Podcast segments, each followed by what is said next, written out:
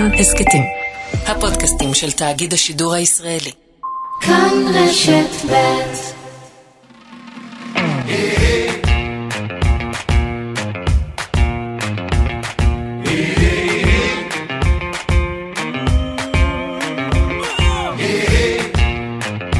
מתחילים מחדש. יסמין מועלם ושי צברי.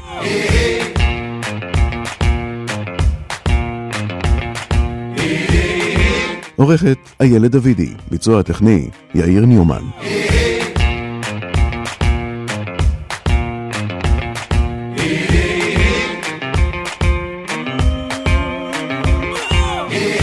שלום יסמין מועלם, שלום שי צברי. איזה כיף שאנחנו נפגשים פה.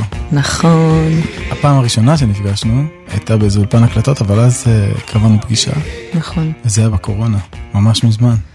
נכון. נדמה כאילו זה לפני דורות, זה הרגיש לפני הרבה זמן, את האמת. מה, עברו בטח איזה שנתיים, לא? אפילו יותר, ואני כל כך אהבתי את השכונה שאתה גר בה. בבת ים. כן, הכנתי לך שקשוקה נכון, ובגט, ובגט מדהים. כי יפיתי בטירוף בקורונה. כן, הרבה אנשים עשו את זה, זה מעניין. כן. אומרים שזה קשור לחום ולרחם, יפה. אחותי, אחותי הייתה בטירוף, ומחמצות, ואני לא עפיתי בקורונה. וזאת הייתה פגישה ממש, אה, שאני זוכר, ממש. אני גם, הבאת לי ספרים גם. בואנה, הספרים נכון. אצלי. נכון, נתתי לך אותם במתנה. אוקיי. כן, יש שני ספרים שאני נותן במתנה לאנשים שאני אוהב. נכון, אמרתי, את זה ש- את זה שנתת עליו את הכי הרבה הקדמה, אז קראתי את כולו. מסע בחלל הפנוי של עשה דוב. פנוי. כן. ואהבת? כן, מאוד. אני לא קוראת הרבה ספרים עד הסוף, זה היה... ספר שקשה לפעמים. לקרוא אותו. כן, אבל uh, בכללי, כאילו ספרים, הרבה פעמים מפסיקה באמצע. זה קצת קשור לזמן הזה שאנחנו קשורים אליו עכשיו, לשמחת תורה, בעצם זה ספר שהוא בעצם מסביר את אה, בריאת העולם, לפי תורת הקבלה, דרך הסיפור האישי של דוב אלבוים. זה קצת קשור לשמחת תורה, לבראשית, לבריאה, להתחדשות, ליצירה.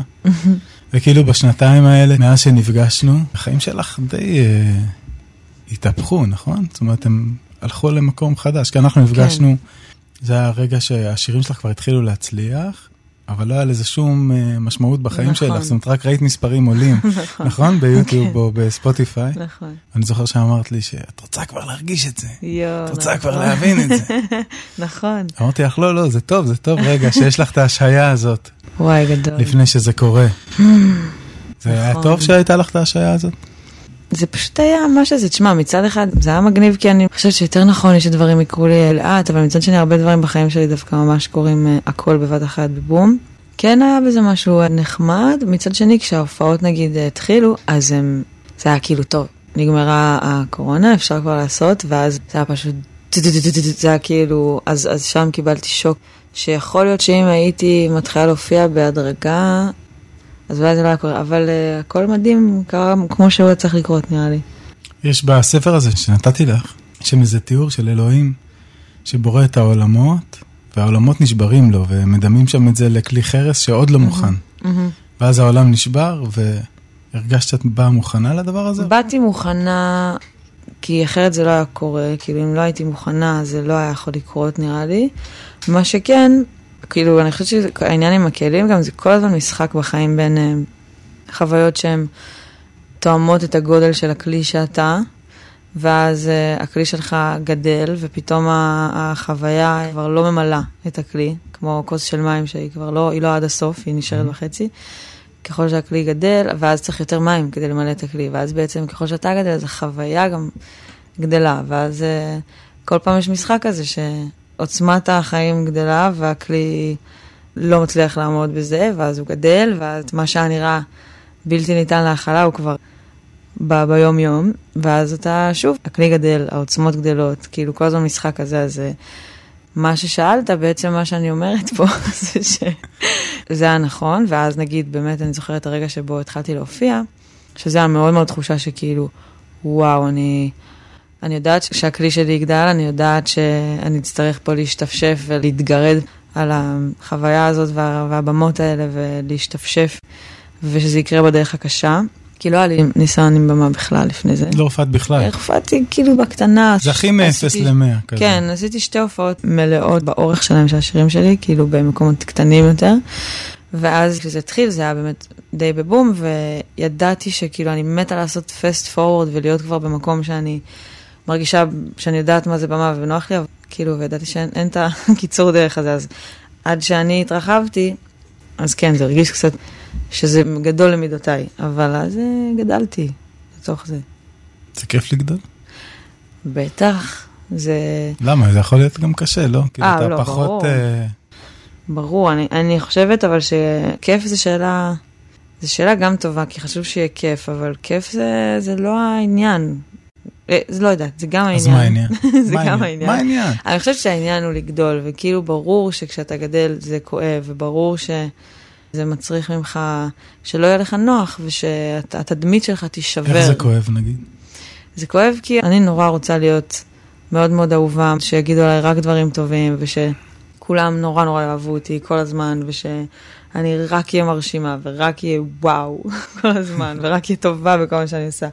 אבל ככה לא גדלים, כי אם אתה גדל, זאת אומרת שאתה חייב להתמודד עם דברים שאתה עוד לא, אתה חייב להיות בדרך, אתה חייב להתמודד עם דברים שהם אתגרים באמת, שהם אה, מאלצים אותך להגיד, יואו, איך אני עושה את זה? ובכל האספקט של החיים זה, זה ככה, וככל שאתה גדל, החוויות גדלות, ואתה צריך אה, לגדול בהתאם עוד. אני זוכר עוד רגע שהיה שם בפגישה שלנו.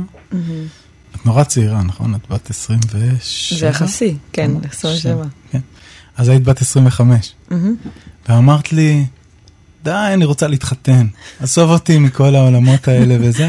כן. ובשירים שלך כאילו יש, נגיד, אפליקציות טינדר וכאלה כן. וזה, וכיף ומסיבות, כן, אבל כאילו פתאום באת אליהם בגיל 25, ילדה בת 25, כן. עם שירים שמתפוצצים, ואת אומרת לי, די, אני רוצה להתחתן. ומה שיותר מפתיע, זה שבערך בערך שנה אחר כך עשית את זה, נכון. וכאילו כבר יש לך בת, נכון, שזה מדהים. בדיוק, אתה מבין? כאילו את כזאת מוכוונת מטרה? כאילו מה, מה הסיפור? אני לא הישגי מספיק? מה את אומרת לי? מה, מה זה, מה הסיפור הזה בא ללמד אותנו, יסמין? בואי, תגידי לי. אז אני יכולה להגיד לך כמה דברים על הסיפור הזה. כן, חד משמעית, שמע, גם ש- ש- שבכל התקופה שלפני תמיד רציתי את זה, אני תמיד רציתי משהו, רציתי כאילו אהבה. אמרת לי, בא לי להתחתן ולא היה לך בן זוג. היית לא, לא רווקה. היה לי, כן, כן, היה לי כן. זוג, ו- ואני גם הרגשתי שכאילו זה כבר לא יקרה, וגם התקופה שלפני זה היה רצון אמיתי מאוד מאוד ל- כבר, כאילו לדבר האמיתי, זה תמיד מה שחיפשתי, וממש כאילו שנייה לפני שפגשתי באמת את רון, אז זה, זה היה ברגע שהרמתי ידיים, אמיתי. אשכרה. כאילו אמרתי, אולי זה נשמע קצת דרמטי. בגיל ל- 25 כן, זה באמת לילדה- קצת דרמטי. לילדה בת 25, אבל יש לי נטייה להיות כזה, אולי להקדים את ה... לא יודעת, לחוות דברים בשלב קצת יותר מוקדם, אבל uh, אמרתי, כנראה, אוקיי, גם, גם מה שעשיתי מתמטיקה כזאת לאלוקות, אמרתי, טוב, הנה, קורה לי בקריירה, זה כל מה שרציתי, כל החיים הייתי רק מכוונת לזה, ואז אמרתי, סבבה, כנראה שהוא נתן לי את זה, ואת זה הוא לא ייתן לי. כנראה שאני אהיה לבד עם אה, 30 חתולים וואו. ודירה, ואני מקבלת את זה, וכאילו באמת אמרתי, זה כנראה הוא לא ייתן לך. ו- דרמטית. מאוד. לא, אבל אוקיי. אני תמיד, אני תמיד הייתי, אני רואה קצת שחורות לפעמים על העתיד בכללי. בקיצור, באמת הרמתי ידיים, כשהבנתי שכאילו אין לי מה להתעסק עם זה. אם זה לא יגיע לי כאילו לפה, ממש לפתח הדלת, אז, אז אין את זה, אז אני לא... ואז זה באמת הגיע, כאילו, ממש אחרי שחשבתי ש...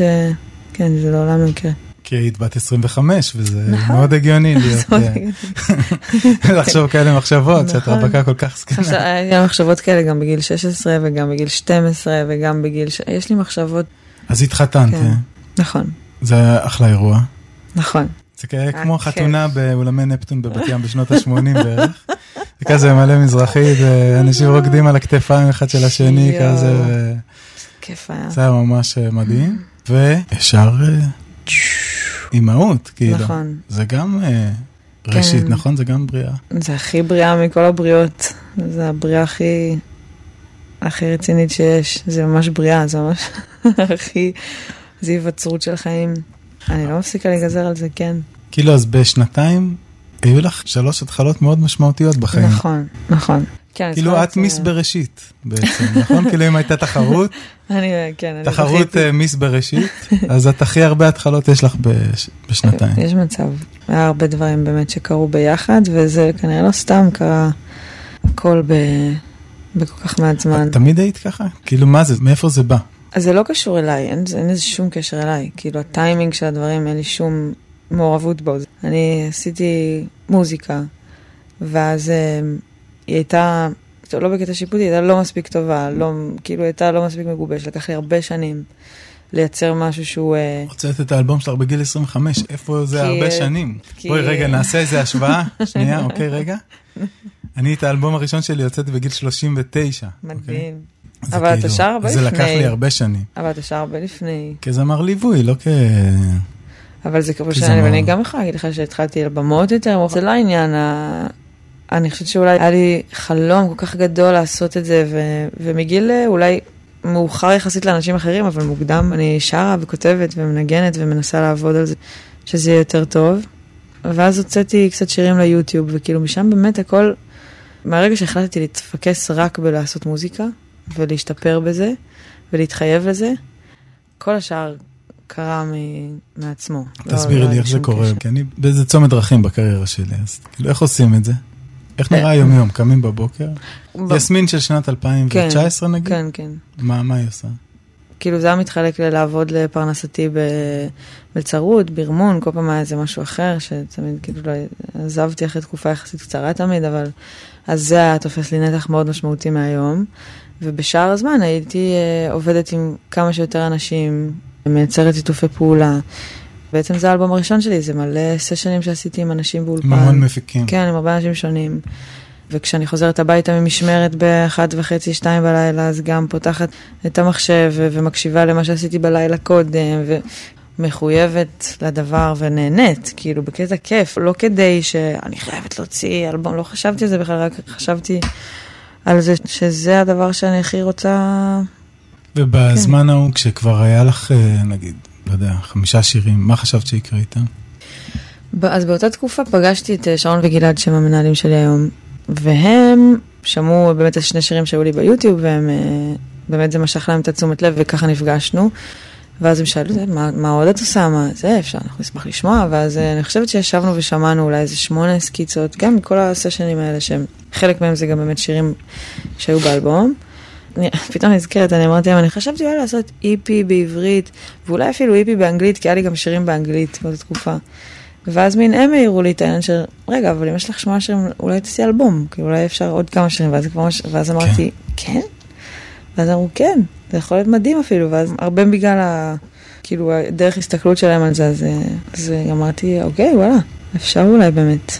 ואז יצא אלבום, כן, ואז, אה, ואז נהייתה קורונה, ואז נהייתה קורונה, נכון. וזה סופר הצליח. טפו טפו טפו.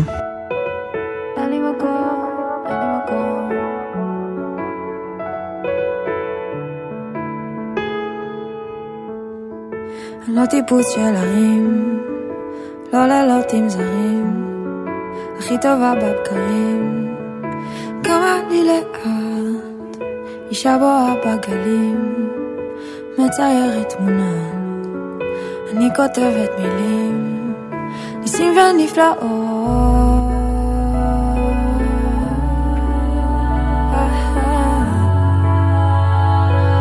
אין לי מקום לקרוא לו בית. אין לי מקום, אין לי מקום.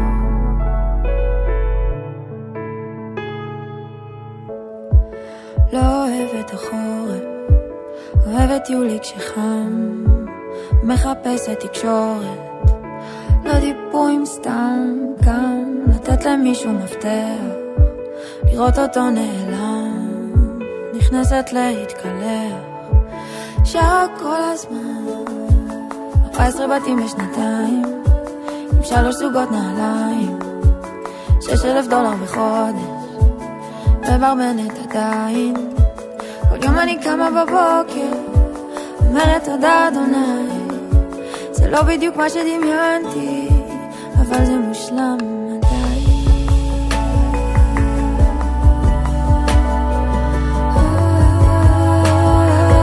אין לי מקום לקרוא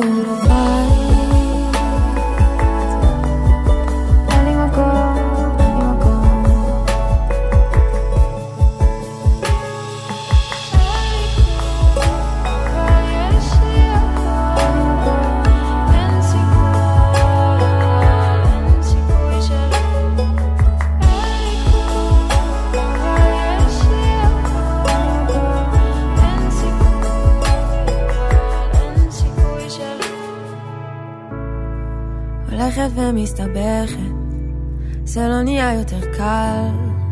כל יום אני מתחזקת, זה כי אני סוחבת משקל, מלטף את הרוח, היד מחוץ לחלון, רוצה להרגיש בבית, עוד לא מצאתי מקום.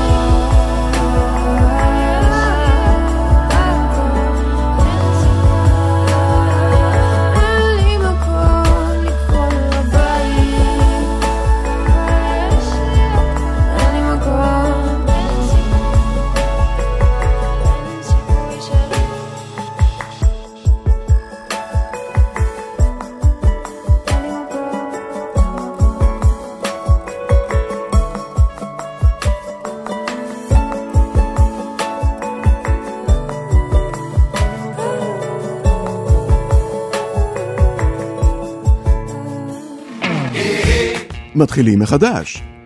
יסמין מועלם ושי צברי.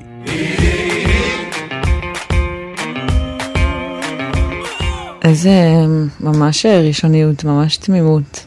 זה הכי בראשית, קטע. נכון? כן. הכל אפשרי. רמות. יש שם איזה תוהו ובוהו בנפש, נכון? אני כן. שומע כזה.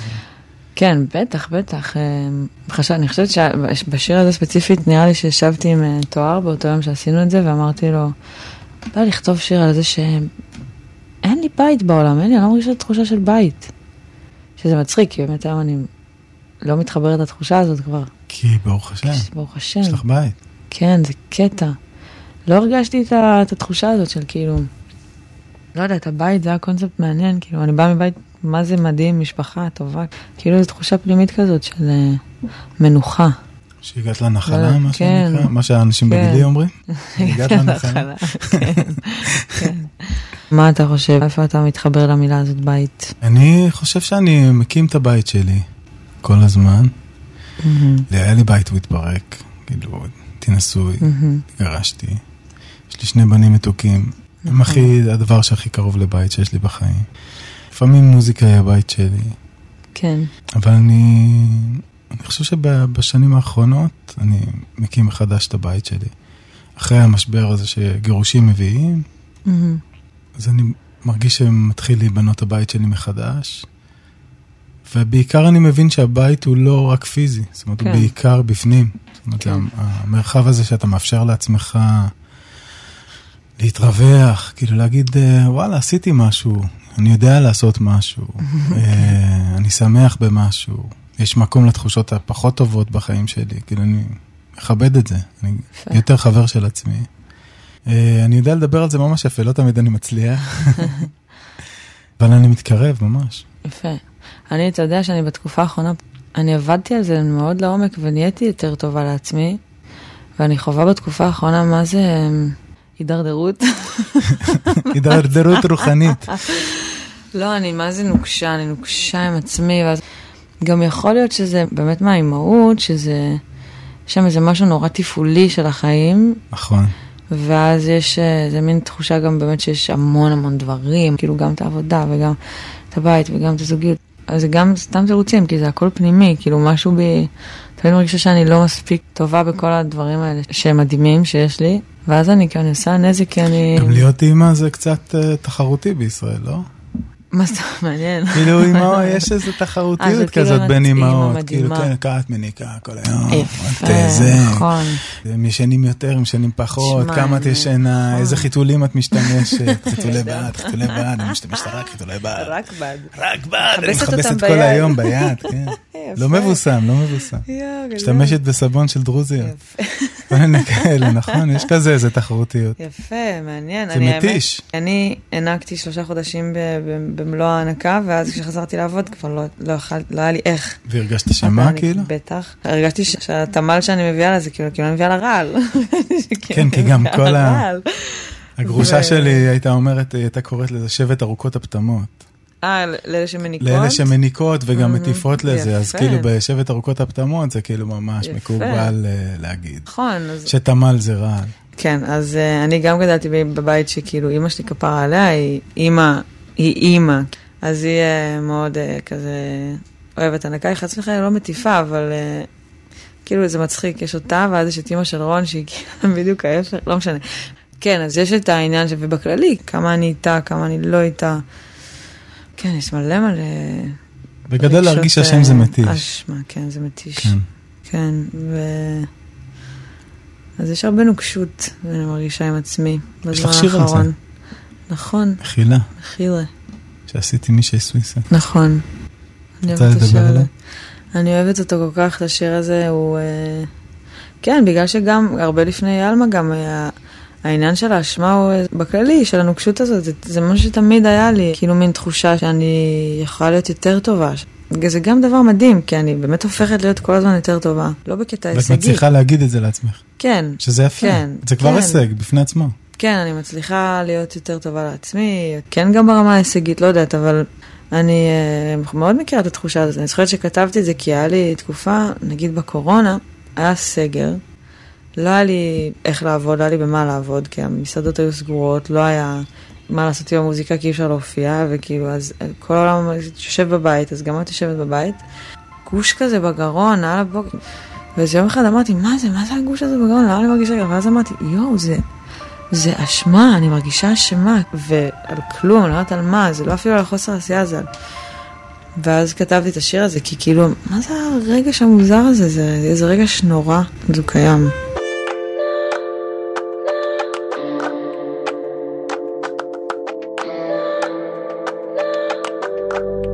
יש בי הרבה מאוד עצב, עצב בסיסי עמוק, אבל לא רוצה להודות, מנסה לשחזר תחנות, זיכרונות נעולים בכספת, אבא יושב במרפסת, כואב לו הראש. יש בי הרבה מאוד פחד, לאבד את הכל בשנייה, שרק לא תתחיל מלחמה. שרק נישאר משפחה, שיכה בנו משהו, כפרת הבנות, כמו כלי שנשבר לרצפה, כל חתיכות קטנות.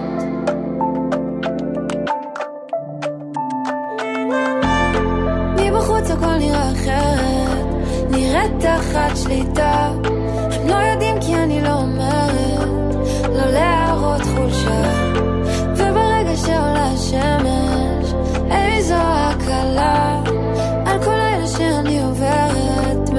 מבקשת מחילה. לא מאף אחד, רק מעצמי, לא הייתי צריכה. לסחוב את האשמה הזאת, מה כבר עשיתי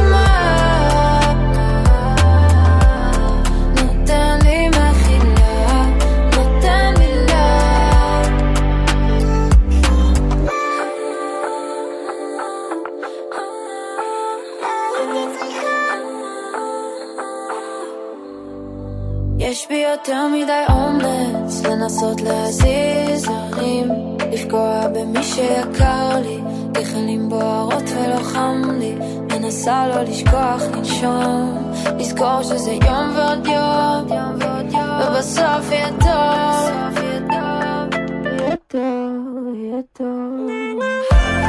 מבחוץ הכל נראה אחרת, נראה כמו הצלחה. הם לא יודעים, אני לא מסתפקת,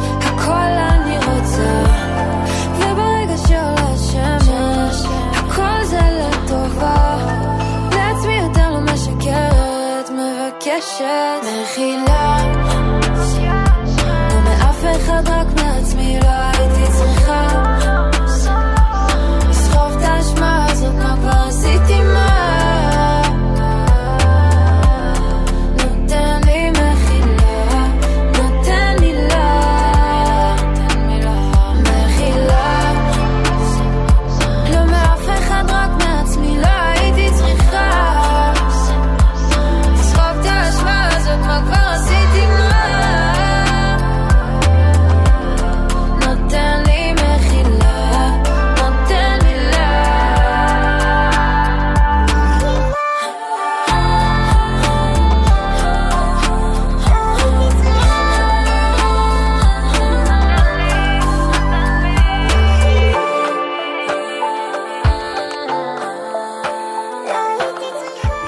כותבת שירים? אז אה, תקופה ארוכה לא כך הצלחתי לכתוב, ובכמה חודשים האחרונים אני כותבת הרבה, ואני פשוט נכנסת, יש לי מין אה, עמדה כזאת בבית של מחשב אה, וכזה קלידים, ואני כותבת הרבה על המחשב. כאילו אני עושה איזה מין ביט, או סתם איזה משהו של יש לך חדר משלך בבית? זה חדר, כן, זה חדר אולפן. סוגרים את הדלת? ו- אני יכולה לסגור את הדלת. כן, אז נגיד אחרי הלידה הייתי יושבת שם מלא עם עלמה, היא הייתה ישנה, הייתה חודשיים פשוט רק ישנה. פרה ל- זה ילדה נוחה. פריים שלי. היא השאירה את עולם המוזיקה הישראלי. כן, ממש. זהו, אז היא הייתה יושבת איתי באולפן, והייתי כותבת מלא מלא מלא, ופשוט כן, אז משהו הכי הכי קטן, איזה משהו של פסנתר, איזה סאמפל, איזה כאילו משהו שייתן לי איזה... אני חושבת שנראה לי דיברנו על זה, כאילו אתה מהאנשים שבאים להם מנגינות, וכאילו... יש לי כל הזמן מנגינות בראש, ולפעמים אה, אני מקליט אותן לטלפון, ולפעמים. אני מצליח לשיר להן מילים, ולפעמים אני לוקח טקסט. ושר אותו פשוט. זה מעולם לא קרה לי, בחיים לא קרה לי. אבל הכי אני אוהב לעבוד עם אנשים, זאת אומרת, כאילו אני צריך קהל, כאילו, כן. כאילו אני צריך להיפגש טקסט וקהל. כאילו מישהו שלעבוד איתו ושהוא יסתכל עליי, ולפי איך שהוא מסתכל עליי אני מבין אם יש לי משהו טוב או רע כזה. ומתוך זה כאילו קורה הדבר. אז הוא אומר שבבסיס שלך אתה אוהב קהל. בבסיס שלי אני אוהב הופעות, זה. כן. אני כן, יודעת, אני. הופעתי איתך, הופעתי איתי. וראיתי את זה, כמה זה טבעי לך. כן, אני אוהב את הקשר הזה. זה. סוג של קשר שבא לי טוב. הוא לא אינטימי לי מדי, אבל הוא גם, יש בו אינטימיות. הוא לא מאיים עליי. זה מדהים. מאיים עליך קל? לפעמים, זה נע בין הופעות שבהן אתה... אני מצליחה להיות אה, נוכחת לגמרי ואני לא חושבת על כלום ואני ברור מרגישה המון המון אהבה והמון ביחד עם הקהל. ולפעמים אני מרגישה, אני חושבת על לאחרונה, כאילו כמו פשוט בסיטואציה חברתית נגיד, שאני כאילו כן. מרגישה שאני לא רוצה לדבר עכשיו, אתה מבין? אבל זה בעיה. הם הזמינו אותך לדבר דווקא. כי אתה להפך, הם ממש- רצו גם שתשירי. לא? כן, מחוסר נוחות לפעמים, כאילו, של כזה, אם זו סיטואציה חברתית שלפעמים מאיימת עליי, אז כאילו, לפעמים אני יכולה להרגיש לרגעים ככה על הבמה שאני כאילו, שאני ביישנית כזה. אין לי מה לעשות, פשוט עומדת שם. אני מתמודדת עם זה, כן. כן. וסובלת? כאילו, את סובלת? לא. בואי, תני לי את הסיטואציה הכי גרועה שהייתה לך על במה. אחרי זה אני אשתף אותך באחת משלי. אתה רוצה את הכי גרועה, שהיא הכי כאילו, גרועה, היא הכי ה- היא גרועה. הראשונה יש ששרתי מי- מול יש קהל אי פעם. שני חבר'ה שיש להם פודקאסט כזה. שמוקדש להופעות הכי גרועות שלך, כן, שמראיינים להיות- רוצה אומנים. להיות שם. הנה, מעולה, הם יתקשרו אליי. תשמע, יש את הסיפור שלי מגיל אה, 17, שזו הפעם הראשונה ששרתי אי פעם מול קהל. לא, גיל 17 זה רחוק, כן, בואי, זהו, תתני אבל- לי אז את. האמת עכשיו. כאילו, אז מה קורה? עכשיו, אז זו הייתה הופעה לא מזמן, שהיא הייתה פשוט... אין איך לתאר את זה. כאילו הקהל בא והוא לא הבין למה הוא בא. ואני, משהו מההתחלה ממש, כי אחר כך דיברנו על זה, הנגנים, וכולנו, היה לנו מוזר איך שעלינו, כאילו זה גם, זה תמיד בשנייה הראשונה, איך שאתה עולה לבמה, אתה, אני לא יכולה להסביר את זה, אתה יודע להרגיש שכאילו, כן. אוקיי, אנחנו, אנחנו, יהיה לנו טוב ביחד. ושם מההתחלה עליתי והיה כאילו משהו מוזר, ואז אתה כזה, אוקיי, בסדר, מתחילים, אה? וזה רק הלך והידרדר, זה היה פשוט לא יאומן. וזה הגיע למצב שבגלל שהרגשתי חוסר נוחות, אז, הרג... אז התחלתי להיות פחות טובה, להתבלבל, פתאום ההרכב, כן. דברים שאנחנו עושים את זה, כולנו טעינו. הכל התפקשש לנו. ואני חושבת שהרגע הכי כאילו ש... שגמר אותי זה אנשים יוצאים מהאולם, וואי, זה... יואו, זה גמר לב. אותי. הייתי כזה, יואו, ברור שאתם יוצאים, ברור. אני מבינה. הבנת אותו? גם. אני מבינה, באמת קרה פה משהו חריג, וזה באמת היה חריג, אבל אמ, אני אגיד לך מה היופי, שירדתי משם, ובאמת הרבה זמן לא, לא יצא לי לרדת מההופעה באמת בתחושה שכאילו, וואו, איזה באסה. ככל שגם אמ, אני מופיעה יותר, אז באמת המרחק, יד- כאילו היה לי ברור באותו רגע, שאני לא אתעורר עם זה בבוקר.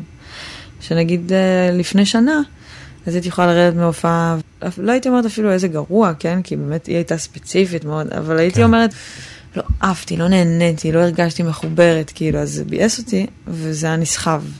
יומיים, כאילו כן. הייתי זה נשארת עם כמו התדר הזה. ריצת של ה- משוכות, אם אה, נפ- נפלה משוכה אחת ואתה כן, מסתכל אחורה, אז הפסדת את המרוץ, אבל אם אתה נכון. מסתכל קדימה, אתה יכול להמשיך. נכון. לרוץ. אז אה, כאילו אני משתפרת בזמן שזה, כאילו שאני נותנת לזה מקום, כאילו, טוב, יפה, זו לעשות?" תכונה ווינרית כזאת, לא להסתכל על... אה, לדעת שמחר אתה כן. שוכח מזה. אבל זה באמת לק- לקח לי זמן, כאילו, אני חושבת שזה מה שקורה בחיים, שאתה עם הזמן, אה, כמו שאתה אתה אומר שאתה נהיה יותר חבר טוב של עצמך, אז חלק מזה זה להיות יותר זריז למקום הטוב. אתה יודע שאתה יכול לשבת ולרדת על עצמך עכשיו יומיים. לפני יומיים הייתה לי הופעה שהיא לא הייתה נוראית בכלל, הכל היה טוב, אבל יצאתי משם עם כל מיני תחושות, כאילו. אמ, תחושות, אז נגיד מה שאמרתי לך, אז זה מחשבה שטריה לי בראש, כאילו העניין הזה של ה... שלפעמים המבוישות שיש לי וזה, כאילו עכשיו היה לי קל לדבר איתך על זה, כי זה באמת ה... משהו שנרשם אצלי אחרי ההופעה הזאת, שכאילו אמרתי, כאילו, לא, רגעים שהייתי כזה, הייתי נבוכה. ואז אה, קמתי בבוקר, ישר נכנסתי לאולפן וכתבתי על זה. כאילו שזה. וואו. זה ללכת, כן, זה למ... טוב, את סינגר למקום הבונה. סונגרייטרית כזאת, את אה, כן, אני, מוציאה שם דברים. כן, כאילו, כן. אה, כן, יפה, זה מרגש. נכון, האמת שכן. אני פעם הופעתי עם תזמורת בתיאטרון ירושלים, נו, וניגענו שיר שלי שנקרא המלך, נכון, אני אוהבת את זה. והנגן בס התחיל לנגן אותו נורא מהר, ואי אפשר לשיר את השיר הזה מהר. אני אסמן לו והוא לא הצליח לזה, וזה גם לא היה בסולם שהיה נוח לי, כי זו תזמורת מזרחית הייתה כזאת, Mm, שאני מאוד אוהב את התזמורת הזאת. ואז הנגן בס התחיל נורא מהר, והוא גם ניגן לא נכון, שכשנגן מנגן משהו לא נכון זה מעצבן אותי, כאילו, זה תפקיד מאוד יפה. נכון, זה בייס. מדהים. כן, שאיתמר ציגלר המהמם כתב, Mm, וזה עצבן אותי. ואז זה היה בסולם לא נכון, במהירות גבוהה, ואני מסמן לו והוא לא זה, וואו. ואני לא, כאילו הדבר שהייתי צריך לעשות זה לעצור את השיר, לספור ולהתחיל מההתחלה, ולא עשיתי את זה, mm. כי התרגשתי, וזה היה כאילו אלף איש, תיאטרון ירושלים, ואני כאילו רודף אחרי השיר, יואו. ואני נשנק, כאילו, יואו. וזה לא קורה לי. ואני חושב שירדתי מהבמה כל כך מבויש. יואו. חברים שלי היו שם והם באו להגיד לי שלום אחר כך. אמרו לי, מה אתה מבואס? כן, בטח לא אמרתי להם, תשמעו, אף אחד לא הרגישו הרגיע, את אני זה." אומר, עזבו, עזבו, נו, כאילו, כן, עזבו. זה היה גרוע. כאילו, אמרו לי, אתה יודע מה? כן, זה היה גרוע. שזה נחמד שהם אמרו את זה, כן, כאילו, נכון. בתכלס אני מעדיף שיגידו לי שההופעות שלי נכון. היו גרועות. טפו, טפו, טפו, זה לא קורה הרבה.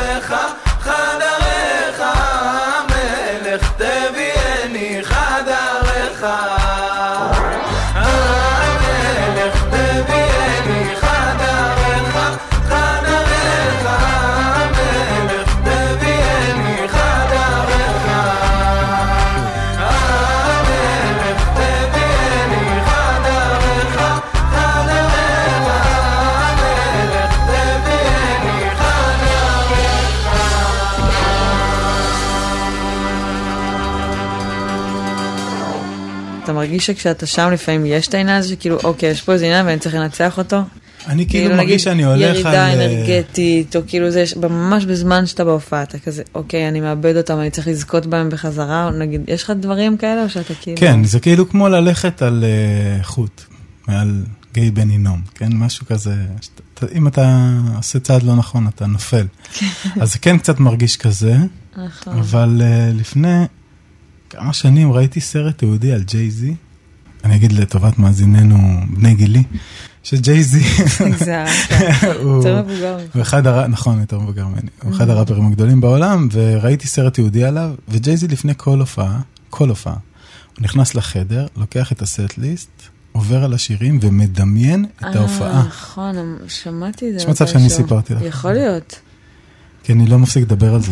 כאילו זה משהו ששינה את חיי. הוא ממש מדמיין הכל, כאילו ברמה שהוא מדמיין לאן הוא יסתכל, באיזה בית של איזה שיר. די, נו. והוא עושה את זה ביחס למקום שבו הוא נמצא, זאת אומרת, אם זה ארנה, אם זה אצטדיון, אם זה אולם קטן. כאילו, הוא פשוט מדמיין במשך 45 דקות את כל מהלך ההופעה. והבנתי שצריך לעשות את זה. זאת אומרת, אז לפעמים אני עומד בבלנס, ואני כאילו מסתכל על האולם, ואני אומר, מי שעומד שם, הוא לא יראה אותי, אז אני חייב לשיר אליו, כאילו. ועם השנים פיתחתי עוד טריקים, כאילו, יש לי כל מיני טריקים כאלה שאני נעזר בהם. מעניין, וזה מעניין לעשות את זה. אני, היה לי דווקא הבנה שככל שאני פחות מתייחסת לזה, אפילו לפעמים לא באה לבלנס, ככל שאני פחות מודעת לעובדה שתכף יש הופעה, וככל שאני רק באמת? חיה את חיי, ואז פשוט טק, אני על במה, הרבה פעמים זה עובד מאוד לטובתי ולטובת ההופעה. כאילו דווקא חוסר ההתארגנות וחוסר ההכנה.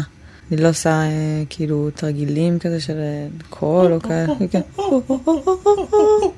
את לא שם? לא, אף פעם לא למדת מתוך? למדתי. למדת. אני גם מתה לחזור זה ללמוד. סיוט או כיף?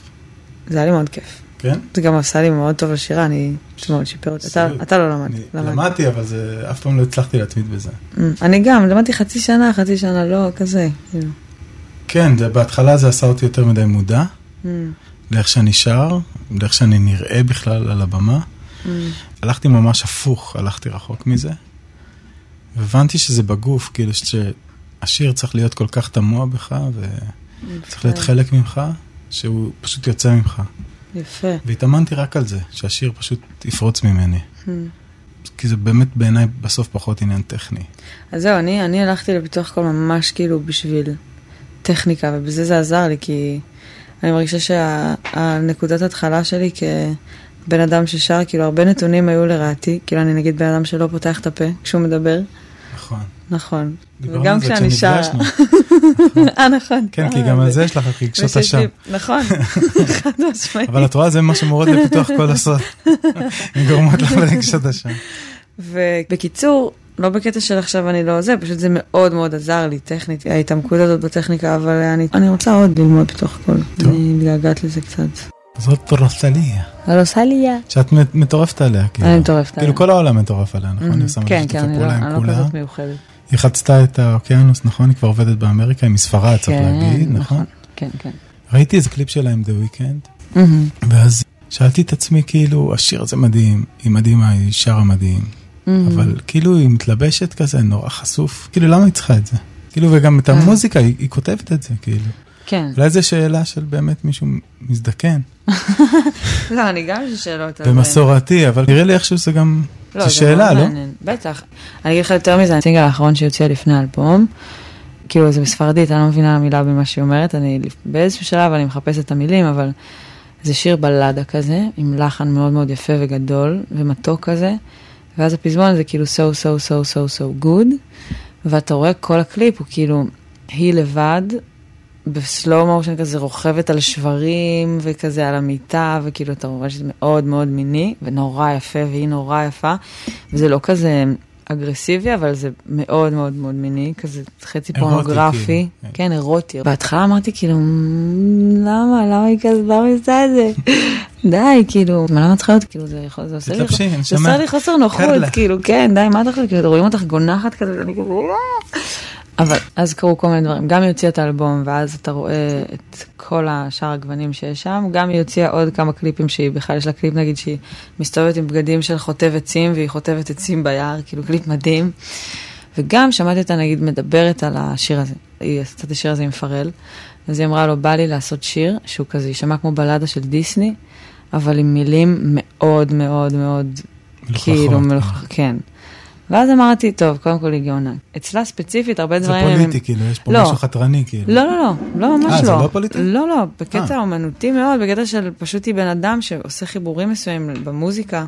יש לה איזשהו vision מסוים שהיא, שהיא הולכת איתו. עכשיו, במקרה שלה אני אומרת שזה בא מאוד מאוד מחופש, ומאוד ממקום של אה, אני יכולה גם לא, עכשיו בא לי כן. ובאופן כללי, אם אתה שואל אותי על, על הנושא הזה, זה כאילו, לא יודעת, אני אישית לא הייתי מסוגלת. אבל זו שאלה של uh, בכלל, גם אתה נגיד רואה את האינסטגרם היום, ואת את העניין הזה של להעלות את עצמך נגיד בביקיני, כן. וכאילו יש לי הרבה חוסר נוחות עם העניין הזה של למה עושים את זה? למה אנחנו כחברה עושים את זה? זה נורא מוזר, לא? כאילו, אנחנו עושים את זה כאילו לכולם, נכון? כאילו אנחנו קצת מכריחים את עצמנו לעטות מסכות. כן, זה כאילו קצת אה, נורא יכול להבין למה, ברור, כי אתה, אנחנו נורא רוצים תשומת לב, כאילו, ויש משהו בוויזואליות הזאת, כשרואים אה, גם גוף חשוף, אז זה ישר אה, מושך את התשומת לב. אבל אה, אבל בואי נדבר על זה יותר רחב. כאילו, את לפעמים מרגישה שהם מחפיצים אותך? לא, לא, לא במובן הגופני נגיד. פתאום אנשים רוצים ממך כל מיני דברים, נכון? אפילו אני שלחתי לך אה, איזה, תצלמי לי וידאו למישהו. אמ, אתה קצת נהיה כלי של, אה, של אנשים. זאת אומרת, אתה, צורכים אותך קצת. כן, אני נורא תמיד משתדלת, גם בהקשר של מה שדיברנו על ההופעות, כשאני לפעמים, נגיד אחרי הופעה שאת, כאילו יש מישהי שאבל מחכה להצטלם איתי ממש, כאילו, אז אני אוספת את עצמי ואני הולכת להצטלם איתה, ואז יש עוד חמש בנות ויש עוד מישהי שרוצה סרטון לאחיין, כן. ולפעמים זה לא מה שאתה רוצה לעשות, אבל אתה אומר, האנשים האלה, זה לא מובן מאליו. כאילו, זה שאנשים באים לראות אותך בהופעות, זה לא מובן מאליו. זה שאת בכלל, זה מה שאת עושה, זה לא מובן מאליו. זה מה שרצית כל החיים, ואני נורא ברור לי העסקת חבילה. זה גם די סבבה, זה נעים, זה לא שאני, זה לא עכשיו ב-level שאני לא יכולה ללכת ברחוב. לא, אבל כאילו, זה נגיד היבט יחסית נעים, ה- כל הווידאוים והצילומים Mm. ו- וההקדשות וכולי. אבל יש אנשים שפשוט רוצים לעשות איתך משהו פתאום. רוצים אה, פתאום. אה, שתקליט איתם, פתאום הם Mm. רוצים שתתארח אצלם, פתאום הם רוצים ש... כן, לא, היה לי... וגם היה אתה לי... חייב להם, וגם אולי כן. באמת פעם עשיתם משהו ביחד, אבל עכשיו זה פחות מתאים. אני חושבת שאולי מה שאתה מדבר עליו זה נגיד, הדוגמה הכי טובה שאני יכולה לחשוב זה שמישהו מהמעגל חברים, שכאילו אתה מרגיש שהוא יותר רואה אותי עכשיו כיסמין מועלם, מאשר ככזה יסמין, החברה, כאילו, ואני מכירה אותו בתור סיטואציה חברית. ואז אה, אני מרגישה שהוא רואה אותי כאילו בתור איזה גם מין אה, קרש שיכול להיות להגיע לאנשים מסוימים או לזה. אז כאילו לפעמים זה עורר אותי אי נוחות, אבל זה לא קורה לי הרבה, כי אני לא מרגישה, אנשים, אנשים בסביבה הקרובה שלי, א', הם מעטים מאוד, מצומצמים, יש לי מעט חברים, מבחירה. משפחה. זה תמיד היה ככה, תמיד היו לי מעט חברים טובים מאוד, קרובים נפש כאילו ממש, יודע, ועוד כל מיני אנשים שאני מכירה, שאני עובדת איתם, ברור, כל מיני קשרי חברות. והאנשים האלה הם לא, הם גם מתעניינים במה שאני עושה, אבל הם רואים אותי כיסמין, אז זה מאוד חשוב. אז אני לא מרגישה את התחושות האלה יותר מדי, אבל לפעמים יש איזה רגע שאתה כאילו, אה, נראה לי שהוא. כדמות מועלם. ולא כ... כן, ההיא מהטלוויזיה, מהיוטיוב. כן, מה- מהיוטיוב. מהיוטיוב.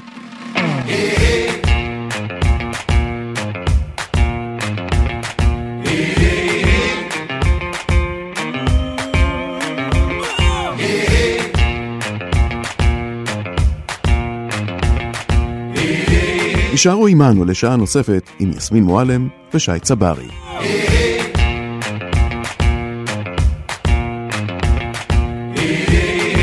עורכת איילת דוידי, ביצוע טכני יאיר ניומן.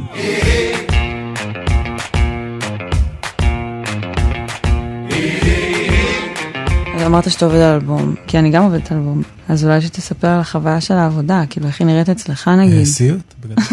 במילה אחת סיוט. להתחייב לאלבום זה דבר שממש קשה לי לעשות. את האלבום הראשון עשיתי במשך המון זמן, אז כאילו זה, גם אף אחד לא מחכה לאלבום הראשון שלך בדרך כלל. נכון. אז יש לך את הזמן הזה לעשות אותו. נכון. ואז כאילו בערך חודש אחרי שהוצאתי את האלבום הראשון, אז אנשים אמרו לי, מה קורה עם האלבום הבא? כזה אנשים ברחוב, נו, מתי האלבום הבא? מתי האלבום? כאילו, רק הוצאתי אלבום, וואו. עבדתי עליו עשר שנים. אה, ואני בן אדם שעובד ממש לאט, ולוקח לי זמן, ואני גם חושב ששירים הדבר שהכי טוב בשבילם זה זמן. ככה אני מרגיש.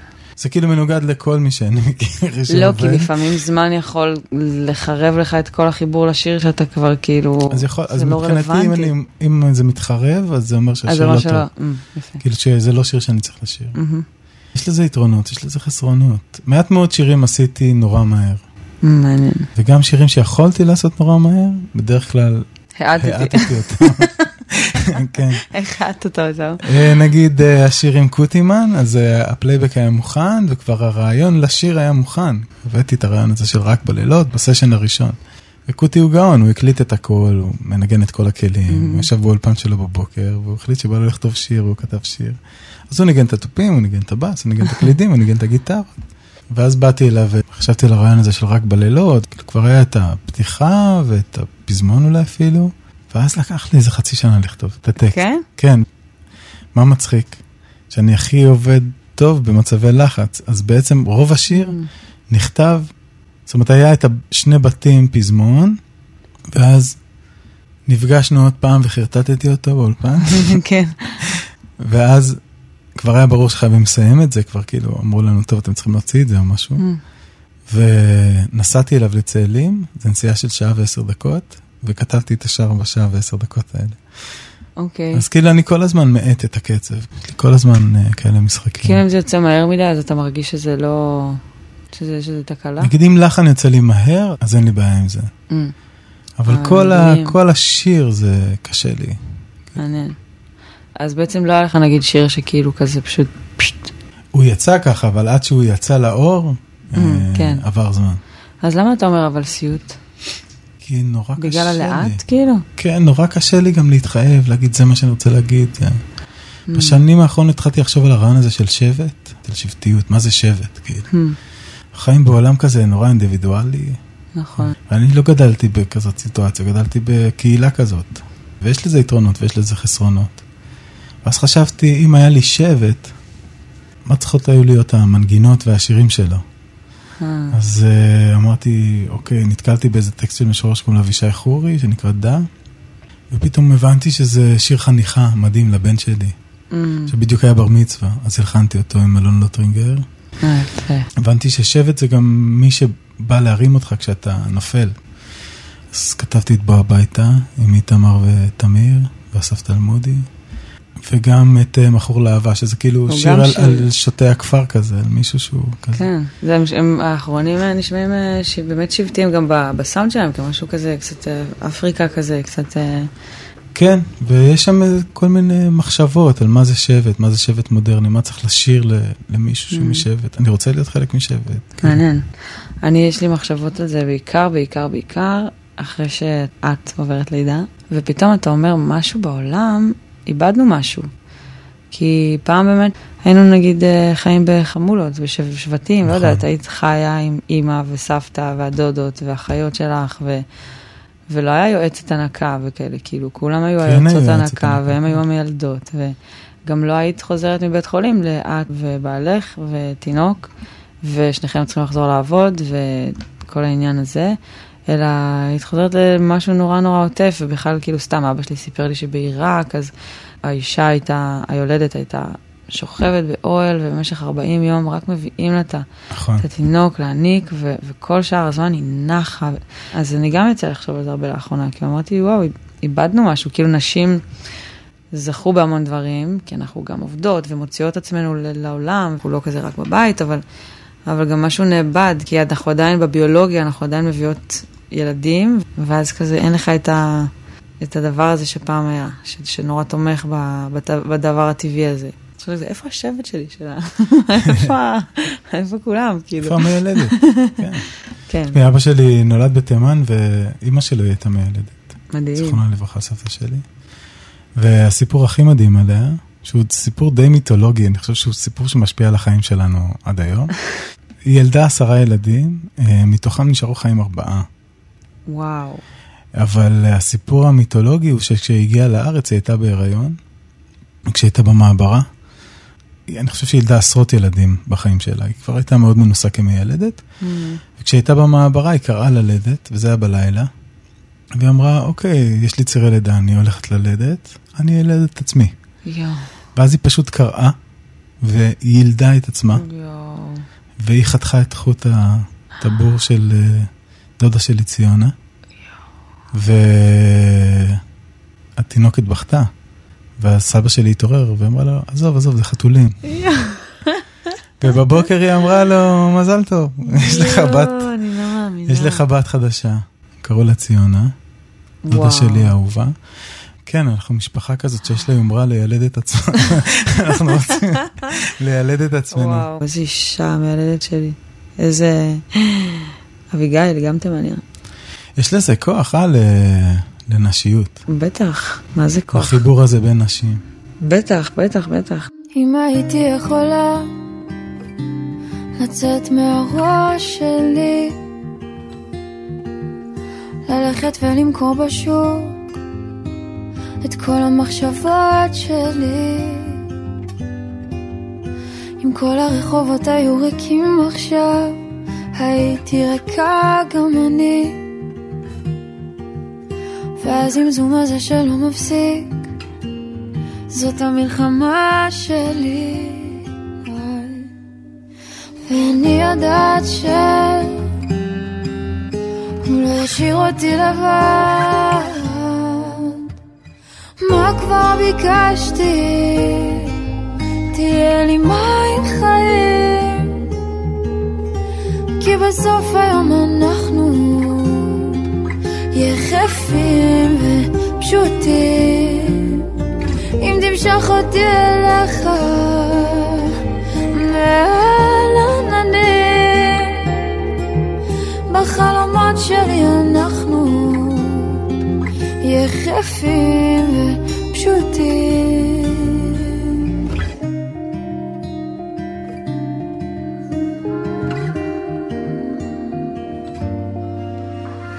אפילו לא למכור. לחלק בחינם.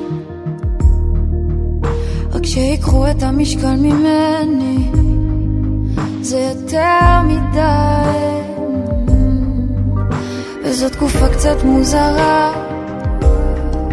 להיות בן אדם. הייתי מוותרת על הגוף נשמה בעולם. ואני יודעת ש... הוא לא ישאיר אותי לבד. מה כבר ביקשתי? תהיה לי מים חיים. כי בסוף היום אנחנו יחפים ופשוטים אם תמשוך אותי אליך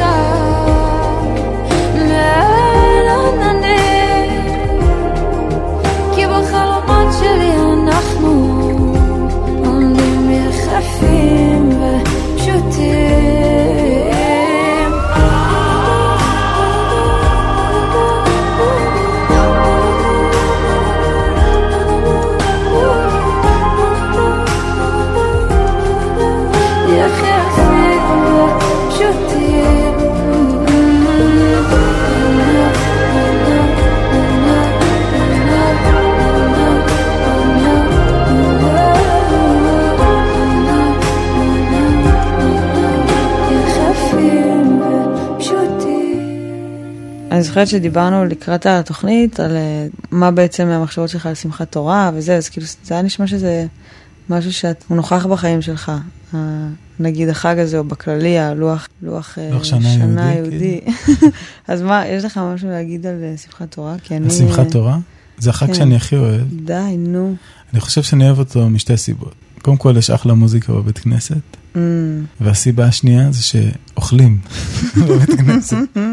ויש שחרית של אה, שמחת תורה בבית כנסת תפארת ציון ובהרבה בתי כנסת תימניים, אני חושב שגם באחרים. mm, אה, בין שחרית למוסף, שחרית היא נורא ארוכה ויש את כל כן, ההקפות ועניינים כן. וזה וזה וזה, ואז יש הפסקת אוכל. וכל אישה מביאה מלא אוכל, ותמיד אוכלים אחד מהשני, וזה. נורא כיף, זה כאילו כמו פסטיבל הפחמימה התימנית, כאילו, וזה כזה. אתה כל השנה אתה אוכל את הקובאנה של אמא שלך, ופתאום אתה אוכל את הקובאנה של אישה אחרת, וואו, איזה שונה זה. וואי, איזה מדליק. וכילד נורא אהבתי את זה, זאת אומרת, נורא אהבתי את זה. מטורף, כאילו, ואתה צריך לבחור אם אתה חלבי או בשרי, ואז אתה רץ על, רץ אם על אתה. חלבי או בשרי, אז אתה, אם אתה רץ על החלבי, אז אתה הולך על החלבי, כן. ואם אתה בשרי, אז אתה רץ על הבשרי, וזה כזה הכי הכי הכי כיף, לפעמים ואז אפילו קצת שותים ועוד יותר כיף נהיה, ואז כן. ממשיכים עם תפילת מוסף, כן. וזה אדיר, אבל המנגינות, המנגינות זה הדבר הכי מדהים. ולרקוד עם הספר תורה, וכל הספרי תורה בחוץ, פסטיבל כזה, הכי. אני תמיד... הכי הודי כזה, הכי, הכי חגיגי, הכי צבעוני, הכי, מדליק. הכי חושני גם, כי כאילו באמת יש בזה גם את מה שאתה שומע, וגם Mm. כאילו את כל הריקודים, כן, הכל כאילו שמחה. והאזהרה, פתאום הווילונות שלה פתוחים, אז אתה רואה גם כן. את הבנות, כאילו, כן. שכנער אתה מתרגש מזה. Mm, וזה יפה, כאילו, והילדים שרים, יש איזה פיוט שכל הילדים שרים ביחד, יגדל אלוהים חי. וזה מהרגעים האלה הכי מתוקים שאני זוכר בבית הכנסת. זה בשאר הזמן מדהים. דמיינתי את התפילה עם אה, חצוצרות ולהקות אה, כן? ומקהלות, כן? ופה לא השתעממתי לרגע כזה, זה היה הכי fun. רגע, ובתור ילד היית הולך אה, קבוע לבית כנסת? כן, כל לא? שבת. שמרנו שבת והכל. וואלה. כן. איזה כיף לך שיש לך את זה. בילדות. בואי נדבר על זה, כי זה מה זה מעניין אותי Mm. אצלך. כאילו, כששמעתי את השירים שלך, אז כזה הרגשתי שיש לך מלא אמונה, לדעתי יותר אמונה מנגיד שהייתה לי או יש לי, Mm. אבל היא מרגישה כמו אמונה שצמחה מהרחוב, כאילו קלטת אותה מה... כאילו אמונת פרק כזאת. כאילו איזה אמונה שקלטת אה, באיזה, אה, לא יודע, אברי חישה שמיוחדים רק לך, או לא יודע. לדעתי לרוב הישראלים, כי הרבה ישראלים הם כאלה, אבל... Mm. אז איך נכון. נולדה האישה המאמינה שאת? זה נגיד נורא נכון. קשור לשמחת תורה. כאילו. מעניין. היא באמת לא תמיד הייתה. אז אני באה מבית לא דתי וגם לא אה, מסורתי בכלל. אמא שלך היא קיבוצניקית, נכון? אמא שלי קיבוצניקית. ואבא שלך הוא עיראקי. אבא יש שלי- כאלה בעיראקים שהם לא כולם הרב נכון. עובדיה, נכון? אב- יש חילונים לא, אז- עיראקים. אז בדיוק, אז לגמרי, אבא שלו היה חילוני ממש, ואימא שלו הייתה דתייה ממש. אז הוא גדל בבית כזה, אבל הוא היה הולך לבית כנסת בתור ילד, וגם רצו שהוא ילך ללמוד להיות רב של השכונה, כי הוא כן. כזה בן אדם מאוד אה, חכם. לשני ההורים שלי חיבור מאוד עמוק ליהדות, גם אימא שלי קיבוצניקית, אבל שכאילו איזה קיבוץ? ברחה מהקיבוץ, היא משמר העמק. וואו, אז כן, אז זה היא... מיתולוגי. היא נסה משם, כן, זה כן. מקום מיתולוגי, מאוד חילוני, הכי חילוני שאפשר לדמיין. אז כאילו בבית שלי אתה יכול לראות אותה קוראת כזה ספר על הקבלה, ואת אבא שלי יושב, הם מאוד אה, מהמקום ה... דווקא הם שניהם אנשים מאוד מאמינים, ומהמקום היותר אינטלקטואלי ושל העולם תוכן היהודי מאוד מאוד מחוברים. אז זה לא היה בדיוק בית חילוני, כי אי אפשר להגיד שזה חילוני, אבל אה, אוכלים הכל, אה, אין קידוש בשישי. אני, זה היה לי נורא חסר בכל הילדות, ותמיד קינאתי נורא באנשים שיש להם את זה, ותמיד בעיקר הסתקרנתי נורא. כאילו, את גדלת שקשור- ביפו, נכון? כן. כאילו פשוט מה היית רואה אצל השכנים שיש דגים יש- בשבת, קידוש, כן, ונרות כל, וזה? כן, כל מה שקשור וזה הדליק אותך. זה הדליק אותי, יהדות, יהודים, הדליק אותי אנשים שמאמינים, כי נגיד רוב חיי באמת לא הייתה לי אמונה. לא זוכרת בתור ילדה, אבל בתור נערה נגיד, זה היה לי חבר בתיכון שהוא היה דתי. והוא היה החבר הכי טוב שלי בתיכון, וכל הזמן היינו רק מתווכחים. הייתי מאוד סקרנית מצד אחד לעולם שלו, אבל גם נורא לא, כזה מאוד רציונלית, ומאוד לא מבינה את הקטע של אמונה באלוהים, אבל זה עדיין נורא נורא סקרן אותי. ובאמת באה לי האמונה בשנייה אחת בחיים, שהיא כן? ממש לא הייתה מיוחדת, ולא קרה בה תתארי שום לי את דבר מיוחד. הייתי בירושלים, גרתי שם איזה שנה. בת כמה היית? הייתי בת אה, 18, 19, הייתי שם, ויצאתי מדירה של אה, חברים שם, כאילו לא היה שום דבר מיוחד. לא זוכרת, אמצע שבוע. לא בשבת. לא בשבת. לא הייתה שכינה. כשהייתי שם הרגשתי את השכינה כל הזמן בירושלים, היה לי מבחינה, הייתי באורות של החיים מהמקום הזה, כאילו כשגרתי שם, עכשיו אני פחות מרגישה את זה שאני שם, אוקיי. אבל הייתי, הרגשתי מאוד שיש משהו באוויר של המקום הזה שהוא, אבל פשוט משהו, פשוט נפל ככה.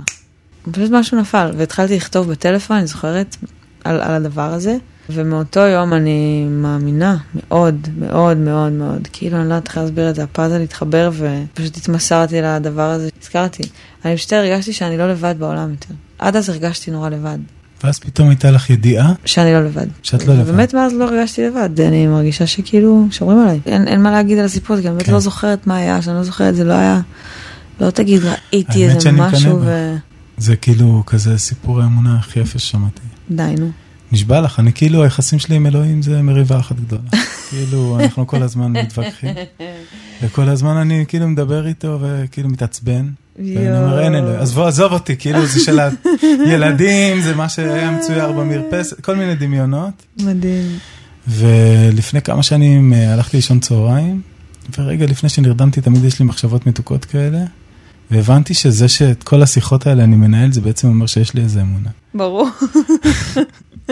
אבל לקח לי הרבה שנים להגיע לשם, אני דחיין, הסברתי? לך את זה כבר, יסמין, אני לא בגיל כן. 25 הוצאתי אלבום. ואז הבנתי שיש לי אמונה, אבל עדיין אנחנו בוויכוחים. קשה לי, קשה לי. קשה לי איתו. כן, הוא אבא, כאילו בחייאת תהיה רחמן אליי.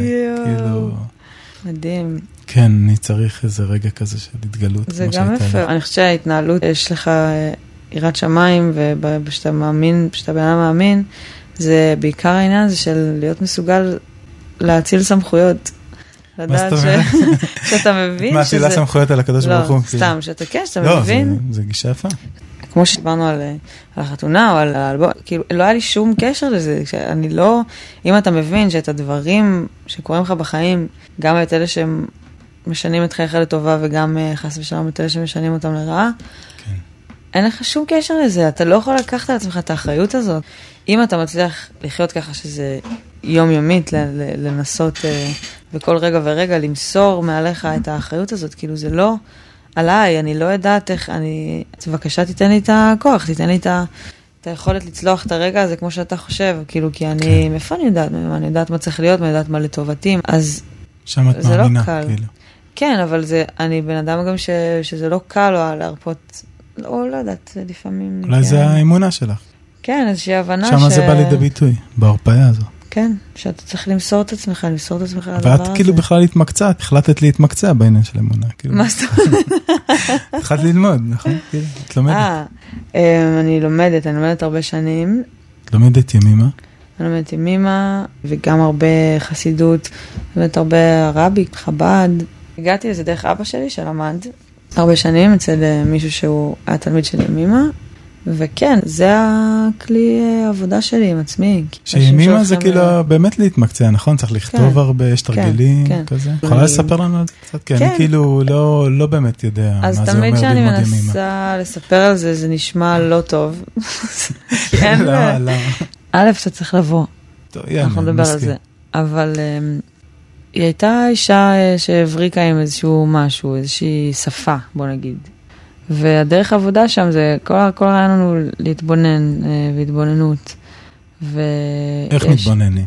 כותבים, יש דבר כזה שבשפה של אמא זה נקרא מלאכה, שהיא הייתה מדברת פשוט, לפי מה שאני יודעת, כי אני לא, לא זכיתי להכיר אותה. אני חושבת שהיא הייתה מדברת או מוסרת, אני לא חושבת שהיא הייתה כותבת, אולי תלמידים שלה היו כותבים, ועל פי הדברים האלה שהיא בעצם אמרה, או הטקסטים האלה שנהיו, אז אה, אנשים אה, כותבים.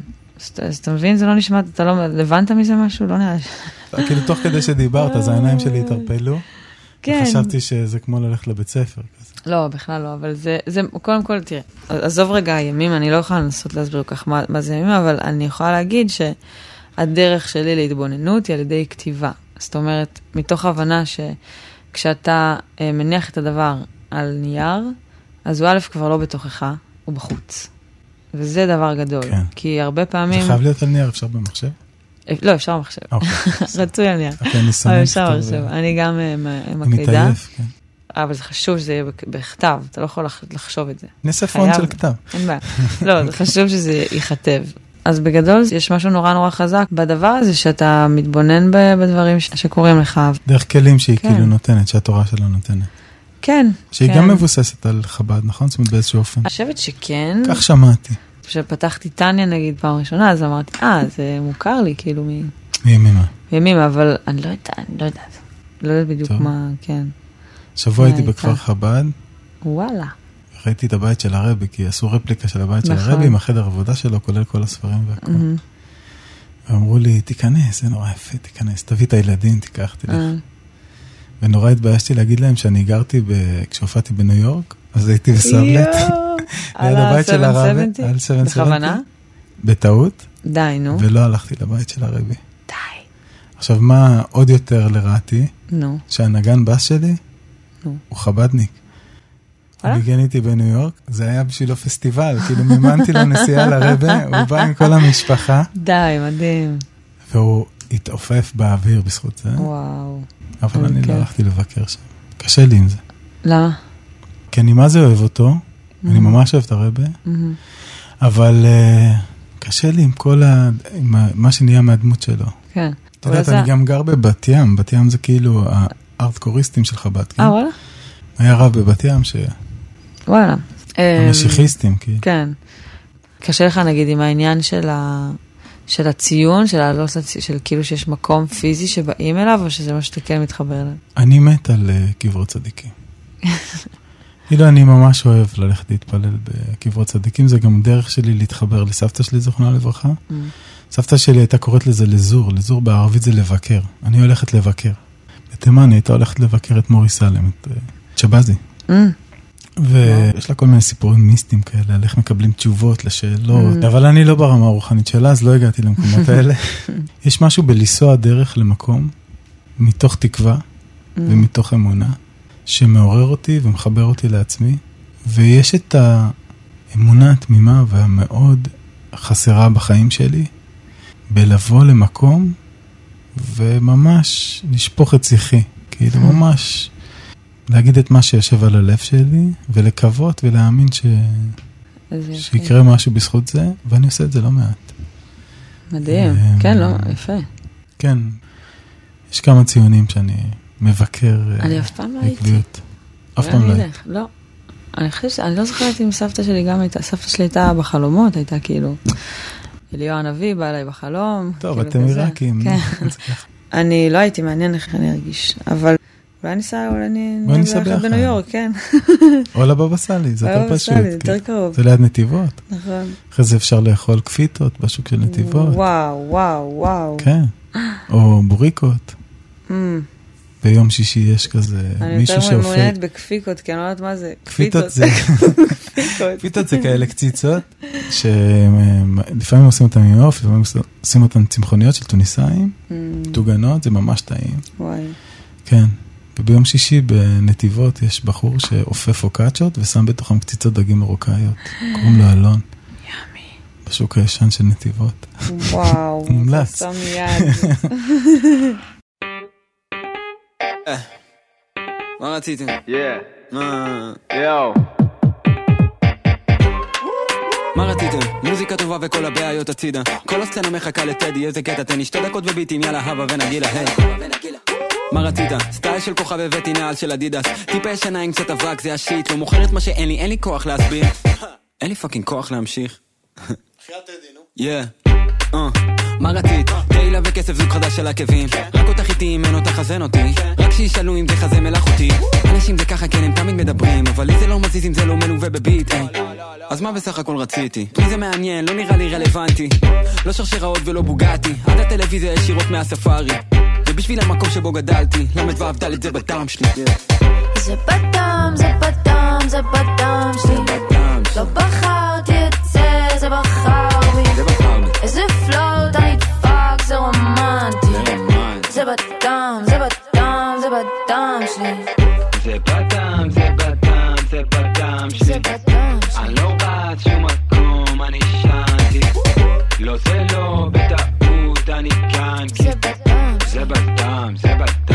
בדם זה בדם, זה בפנים, זה זורם ויש שורשים, ברוך השם. שליחים, באים לקראתי, נותנים לי עצות ואני לא מבינה תמיד לאן לפנות. קוראים לזה דרך, זה לא בעיות. עדיף לי מדבר ולא ארבע קירות, עוברת הרבה בין הארבע קירות האלה. חלון שלא רואים דרכו, חלום של הגדלים דרכו. וסימנים בכל מקום, זורם בי כמו הים התיכון.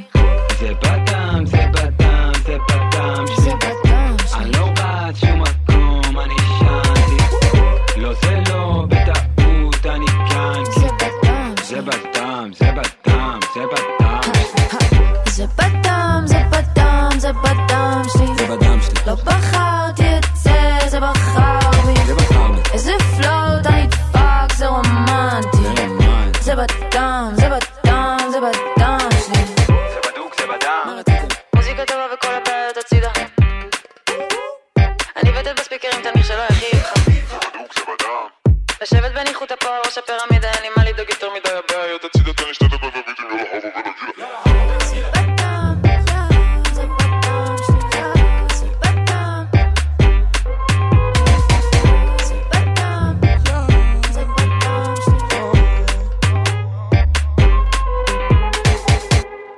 הזיכרון שלי הוא משנה שעברה, של שמחת תורה.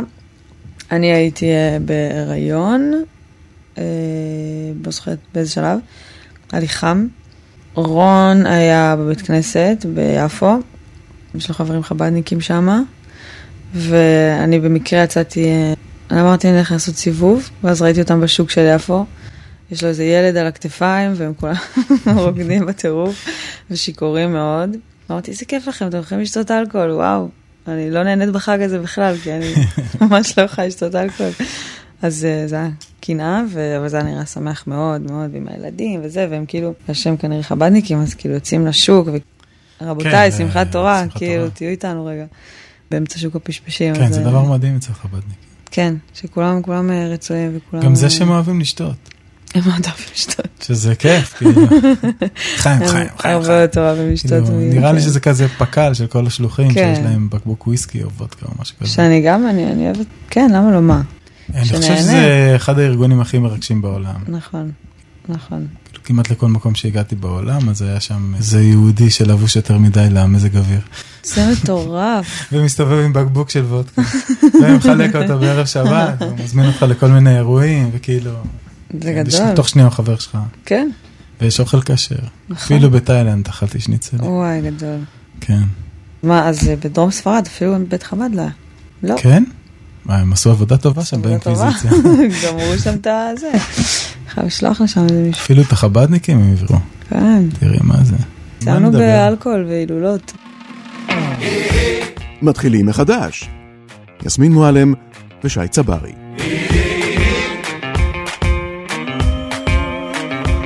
בואי נדבר על מחזוריות שנייה. כאילו כל שנה יש שמחת תורה, כן, וכל שנה אותו דבר, כאילו, מתחילים Mm. מבראשית. נכון. מתחילים לקרוא את בראשית. את אוהבת את זה כאילו, או שאת מאלה שזה סיוט בשבילם? החזרתיות הזאת. כל שנה יש אותו דבר, יש את ה... מהמם. כזה פרוצדורה. כן. אלול, כן. סליחות, כן. ראש השנה, וידוי, יום כיפור, סליחה, סליחה, סליחה, כן. סוכות, יושבים לסוכה, יוצאים מהזה, מהמם. ואז שמחת תורה, וכאילו זה הפסטיבל, נגמר, חגיגה, כן. חגיגה, חגיגה, אבל זה כאילו כל שנה אותו דבר. כן. זה בא לך טוב או בא לך רע? תשמע, אני גם, שוב, בגלל ש... שאין לי זיכרונות של זה מהילדות, הייתי בלוח שנה או לועזי בילדות, אתה מבין? אז כאילו, אז זה מאוד משמח אותי, ואני חושבת שיש משהו יפה בעובדה שכאילו, לפי מה שאני מבינה, אז כל אה, חג כזה, או כל אה, יום כזה, יש איזו הערה אלוקית שמאירה בעולם, שהיא ספציפית, שהיא באה ללמד איזה משהו, יש לה איזה, איזה משהו להגיד לך, שאתה יכול ללוות אותך. אז אני חושבת שזה מגניב דווקא כל פעם שזה תופס אותך בכל שנה, לראות רגע איפה הייתי בזה הקודם, אה, זה פה, שם אני הייתי ככה, הנה הייתי כן. בהיריון שנה שעברה, היום אני, אני יכולה לשתות את האלכוהול הזה. אבל... אני לא אה, מניקה, אשתה כבר- אלכוהול. כן, אני יכולה. רון, לך תקנה ארגז וודקה. כן, רון, לראות החג עוד לא כאילו- נכנס, אתה יכול ללכת לקנות. אז לראות איפה כאילו זה כבר פגש אותך? זה- כן. ואיפה זה פוגש אותך עכשיו. זה בדיוק מה שאני חושב על זה. אני כאילו מרגיש גם התפילה נגיד, Mm, כאילו שאתה מתפלל, נגיד שחרית בבוקר, ואז למחרת עוד פעם שחרית. זה קצת מתיש Mhm. לפעמים, Mhm. וזה אותו טקסט, אבל אני מתייחס לטקסט הזה בתור מגדלור כזה. אומרת? הוא הקו המשווה שלי נגיד. Mhm. אני כאילו כל הזמן מתייחס אליו, אבל אני השתניתי ב-24 שעות האלה. כן, בטח. וכאילו מספר לי את זה, מספר לי את המרחק הזה שעבר. הוא עוזר לי להיות יותר מחובר ל- יפה. לכאן ועכשיו. תשמע, יש לי שני דברים להגיד. כאילו, א', בתור אישה, לפחות במרחבים שכאילו יצא לי לחוות, אולי לא חוויתי מספיק, אבל יש בזה משהו שהוא קצת מרגיש לי יותר לגברים, תפילה, בית כנסת, כאילו נגיד שמחת תורה. כאילו, אתה פחות מרגיש חלק מה... זאת אומרת, לא בקטע פמיניסטי. לא בקטע של כן, שעכשיו אני באה תקועה זה לא העניין, פשוט באמת יש איזה משהו שהוא כאילו לא... גם בכללי, העובדה שנשים לא מחויבות בתפילה כמו גברים. חייבות אחת ביום. אחת ביום, בדיוק. לעומת אה, כי שלוש כאילו- ביום, ותפילין, ועכשיו תשים על עצמך ותקשור על עצמך. וזה- להפך, זה עובד לטובתנו וזה בגלל שבנסיבות טובות, אבל... אז זה א', לגבי התפילה, כאילו, כי אני לא יודעת, וגם אני חושבת שזה לא כזה משנה מה הטקסט, אתה יודע? אני חושבת שזה לא באמת משנה מה... זה לא משנה מה הטקסט. אני לא יודעת, אני חושבת שזה יותר חשוב ה... עצם ה... לצורך העניין אה, יום כיפור, שבאמת אני גם בילדות לא צמתי, אני צמה רק בשנים האחרונות, אז עצם ההתמסרות הזאת לדבר, או נגיד כאילו לקום בבוקר נגיד לבית כנסת וללכת, כאילו כל הרעיון בעיניי זה לקום וללכת, על להתמסר. כאילו, ומאה, טוב, את לא כמוני, את בן אדם של מעשים. אני- את לא אני דחיינית, נו. אני אני כאילו, עד שאני. קם, אז אני דחיינית. מאוד, אז ודווקא אני אומר, לא, בהקשר אני הזה רוצה את אני... הקפה, ואני רוצה את הקפה הספציפי. כן. דווקא בהקשר הזה אני מאוד לא, אני לא עכשיו אה, אשב בבית כנסת, אבל אה, סתם נגיד, העניין הזה של לקום בבוקר ולהתפלל, זה, זה עניין של לקום ולהתחיל עם דבר שאתה, מה, מה ההיגיון, אני אומר את זה כל יום, למה שאני אגיד את זה גם היום? כדי להגיד את זה, כדי שזה הדבר הראשון שאתה עושה כן. בבוקר, ולא תתחיל את הבוקר שלך עם זה. תתחיל את היום שלך טיפה אחרת, כאילו, כן. לא בצרכים שלך. כאילו, אלא כן, במשהו שהוא קצת יותר. גבוה, כאילו. אז זה חזק, אני לא כן. שם, אבל אה, אני אשמח להיות, את בדרך. כן, אני בדרכי. יפה, אהבתי.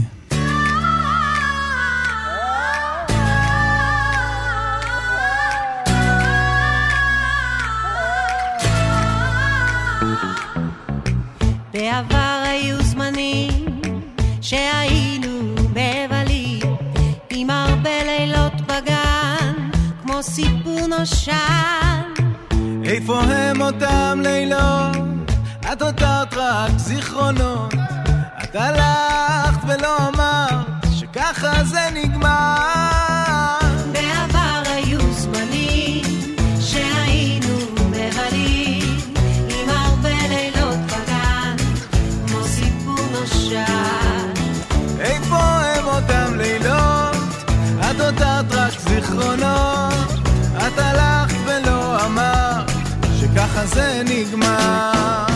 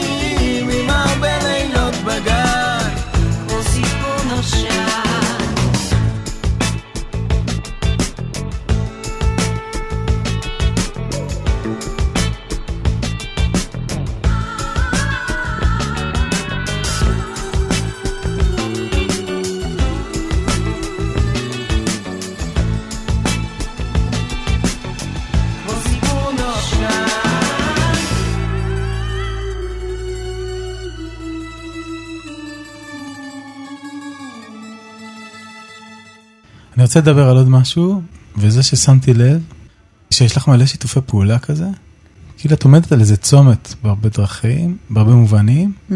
שכאילו יש לך שיר עם אה, עדן חסון, נכון? עשיתם קאבר לשש שנים עצובות, יש לך שיר עם Mhm. טונה, עם, עם טדי, נכון. כאילו יש לך כל מיני עולמות שאת מתחברת אליהם, צעירים, מבוגרים, Mhm. מזרחית.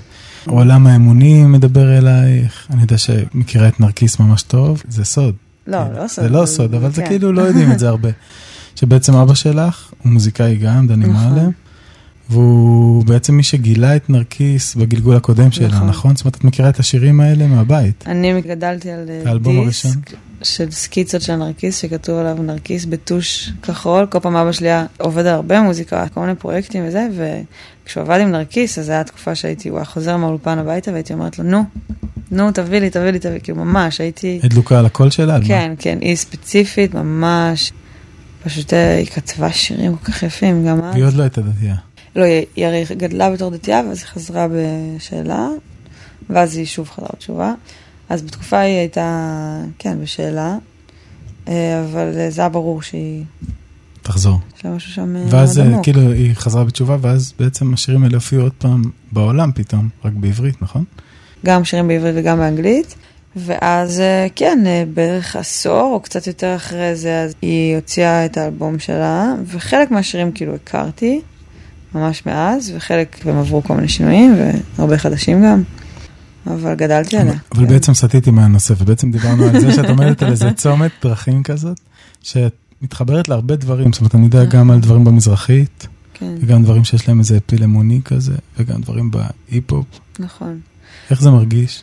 כן, צריך לאפשר לעצמך את החופש הזה, להביא את כל המגוון, את כל הגוונים שבך. כי לכל כל בני האדם, יש להם רגעים שהם יותר אה, בפשוט, בשכונה, יש להם רגעים שהם יותר אה, מתוחכמים, יש להם רגעים שהם אה, סקסיים, ויש להם רגעים שהם אה, מלאי שאלות. אז צריך לאפשר לעצמך להרגיש את כל הדברים האלה, וצריך לאפשר לעצמך שיהיה ביטוי מוזיקלי לכל הדברים האלה. ו... עדן חסון יכול לתת משהו שנרקיס לא יכולה לתת, וטונה יכול לתת משהו שאני לא יכולה, כאילו, אתה יודע, אבל איכשהו את שם באמצע, כזה. אני, כי אני, איזה חוט כן, מחבר. אני אוהבת הרבה דברים. אה, את ממש אוהבת, מגוונים. נכון? כאילו, מאוד אוהבת. אז ראיתי משהו שעשיתי עם הודיה, נכון, הופענו ביחד. שהיא מהממת. כאילו. מאוד. איך זה היה? אני אוהבת אותה ממש מהשיר הראשון שהיא הוציאה. גם אני. כאילו, שמעתי. את זה במקרה כן, ביוטיוב, גם אני. וזה היה מדהים. על ההתחלה, זה כן. וגם יש לה את העניין הזה של אמונה, שגם היא זה טיפת מדהים. אמונת רחוב, אבל לא, כאילו זה לא ברע, אני אומר את זה רק ש... כן, לא, זה נשמע מדהים. זה- זה מטורף. נכון. זהו, כשזה טוב זה, זה מהשיר הראשון. אז כאילו אנחנו מכירות גם עוד לפני שאני ממש, דברים שלי קרו, וגם לפני שהדברים שלה ממש קרו, וזה מדהים גם מה שקורה איתה עכשיו, כי זה, לגמרי. כי זה הכי כאילו ראוי בעולם, אין הרבה כאלה שכותבות ושרות ככה, וכן, עושה דברים הכי יפים בעולם. בכלל קורים דברים מדהימים בישראל, נכון? מבחינת כן. מוזיקה. בטוח ביחס לעולם, הרבה יותר מעניין בעיניי. כאילו זה, קורה פה משהו, המקום הזה רוטט, הוא הוא סוער. מאוד, כן, יש הרבה דברים נורא נורא יפים. אני ממש נגיד, כשאני מנסה למצוא מוזיקה חדשה אה, ש- שהיא מהעולם, אני בא לי למות. תסבירי, כאילו. אני ממש חווה אה, חוסר הבנה מוחלט של מה קורה למוזיקה, כאילו, כבר איזה שנתיים, לא יודעת, הייתה תקופה שכל כך הרבה דברים שיצאו היו פשוט מטורפים בעיניי, וכבר איזה כמה שנים, כבר שנתיים, שלוש, ששום דבר לא מעניין אותי ולא מרגש אותי ולא אני לא מצליחה להתחבר. דברים שקורים בארץ הרבה יותר, אבל... אז כאילו אני מחכה שכבר כאילו יקרה משהו, אני לא מבינה. את חושבת שזה משהו שלא קורה, או שזה כאילו פשוט שאת במקום אחר בחיים? אני חושבת שזה משהו שלא קורה. שמשהו זה שלא קורה, זה העולם אשם כאילו? זה זה לא את. אשם. כאילו. זה לא אני. יפה. מעבירה את האחריות לעולם. לא, אני ממש... לא, כי כשבא משהו טוב זה זה, אבל אני חושבת שאולי אולי זה כל מיני דברים. חשבתי על זה קצת. הטיק טוק עשה דברים ממש מדליקים, כמו לאפשר, ראיתי איזה סרטון שממש מסביר איך הטיק טוק כאילו הפך את הקלפים של תעשיית המוזיקה. ממש, כי פתאום שיר יכול להתפוצץ ב... יותר מהר מאי פעם, כי הרבה יותר מיוטיוב, הרבה יותר מזה, וזה הופך אמנים לעצמאים יותר מאי פעם.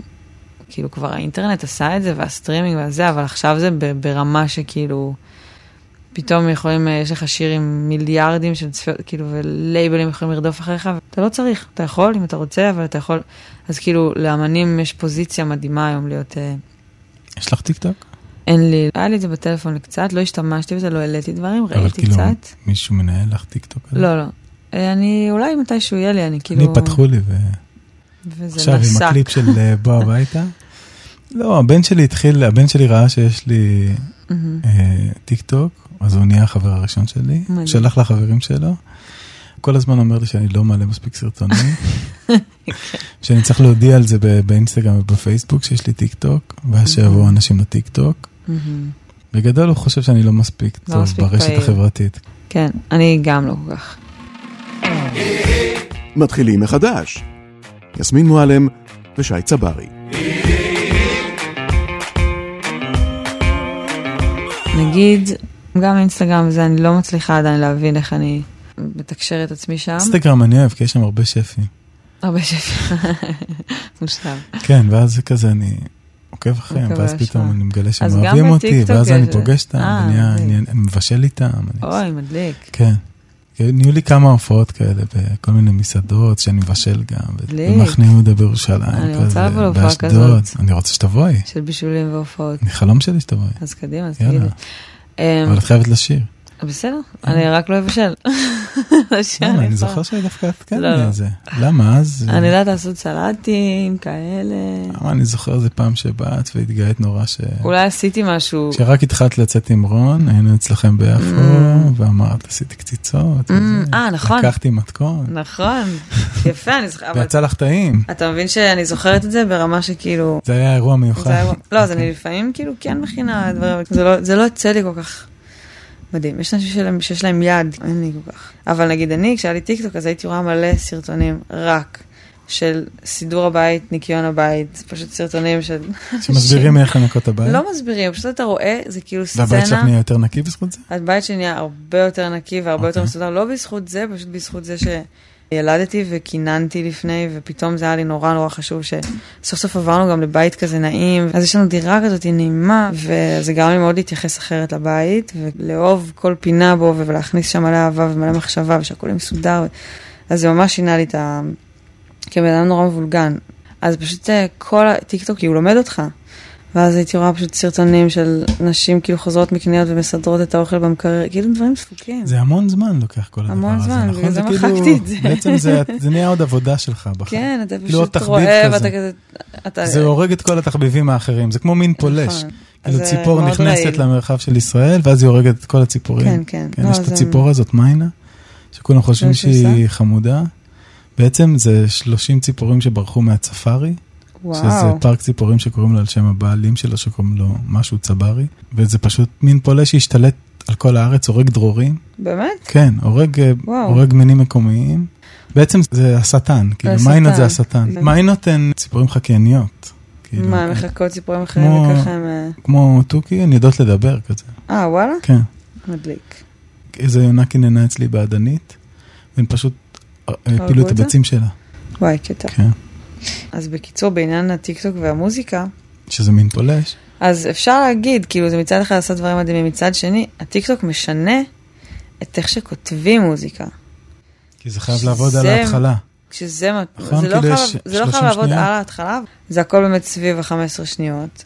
הייתי צריכה לעשות איזה קאבר לא מזמן לגלגלצ. אמרתי, טוב, אני, אני אחפש, אני יודעת שאין שירים שמדליקים אותי, יש איזה אחד, אבל שכאילו בעולם נגיד, כי אמרתי, בא לעשות משהו באנגלית, ואז ממש הקשבתי לדברים, וחלק הכרתי, כבר חלק לא. ואתה מסתכל על זה שהשיר הכי גדול בעולם זה כאילו באמת שיר שיש לו את ה-15 שניות המגניבות באמת, שהם כאילו התפוצצו בטיקטוק. ואין שיר, זה שיר לא טוב, זה שיר כאילו... אבל יש לו 15 מכוער. כן, יש לו 15 שניות. אז פה יש איזה עניין, זה מעניין כאילו ש... את לא צריכה להיות מאוד יפה, את צריכה להיות יפה רק ל-15 שניות. כן, זה קטע. כאילו, צריך להיות לך חלק קטן בפנים קטע. שם. כאילו. אבל זה, זה מוזר, לא? זה ממש משנה כזה, איך כן. שכותבים שירים. כן. זה גוזר אותי. אוי, תתה. זה קשה, לי זה קשה. אני מרגיש שיותר מדי פעמים בחיים אנחנו צריכים ללבוש מסכות. קצת אמרתי את זה מקודם, אבל אפילו ברעיונות אני מרגיש שאנשים באים לרעיונות, לא כדי לדבר באמת, אלא כדי להגיד אה, איזה דף מסרים כזה, גם זה מה שמצפים מהם. אבל זה גם שתדע לך שאנחנו חיים בתרבות כזאת, נראה לי שנורא נורא מחפשים איפה אתה אומר את המילה הלא נכונה. כאילו... אז אנשים מרגישים שהם צריכים להיות יותר זהירים. כן, אני נגיד כן מרגישה שאני לא אגיד משהו שהוא לא הדעה שלי, אבל אני כן אשים מאוד לב כשאני בסיטואציה, כאילו באמת שהיא נגיד... יש נושאים שלא תדברי עליהם. יש נושאים אולי פרטיים שלי שאני לא אדבר עליהם, אבל, אבל גם אם אני אדבר על נושא מסוים, אז כאילו קצת הפחיד אותי שכאילו יתקפו אותי, כאילו, כי יש אווירה נורא כזאת של לתקוף, של כזה, הוא אמר משהו, היא אמרה משהו. יש משהו נורא כזה היום שהוא כזה, אז, אז כאילו אני יכולה גם להבין את זה, שכאילו אתה אומר... וגם המרחב מחיה הוא נורא מצומצם כזה, אז אם אתה עושה את הטעות הזאת, יכול להיות שמחר לא יזמין אותך להופיע או משהו. גם, כן. לא אין סלחנות קצת. כן. לא שגם אה, יש לי איזה משהו נורא להגיד, כן, אבל פשוט הם, אם הדעות שלך אולי לא יתאימו למישהו. סתם, אז כאילו, יש איזה חוסר אה, סבלנות כזה. טוב, אבל פה היה, נכון? בטח, מה זאת אומרת? כיף. ברור. הרגשתי שדיברנו מהלב. דיברנו מהלב, זה ברור. במקומות מעניינים. לא, גם זה לא היה בדיוק רעיון, אנחנו כאילו לא. שוחחנו. שוחחנו. שאני חושבת שזה הרבה יותר מגניב. רק לא היה אוכל, שזה באסה. נכון, אני נכון, הבאה אנחנו בגט שקשוקה. להיפגש על אוכל. שואו. לא, אני כבר התקדמתי, אני יודע כבר עוד. דברים. טוב, אז אה, אנחנו נגיד חג שמח. חג שמח, תשמחו בתורה, תשמחו בתורה, במעשים טובים, תרקדו, תרקדו, תשתו. תשתו, השנה את יכולה לשתות. נכון. אז אה, תודה ליסמין מועלם, תודה רבה לך שהיית ברי היקר, שיהיה לנו חג שמח. חג שמח ומבדח.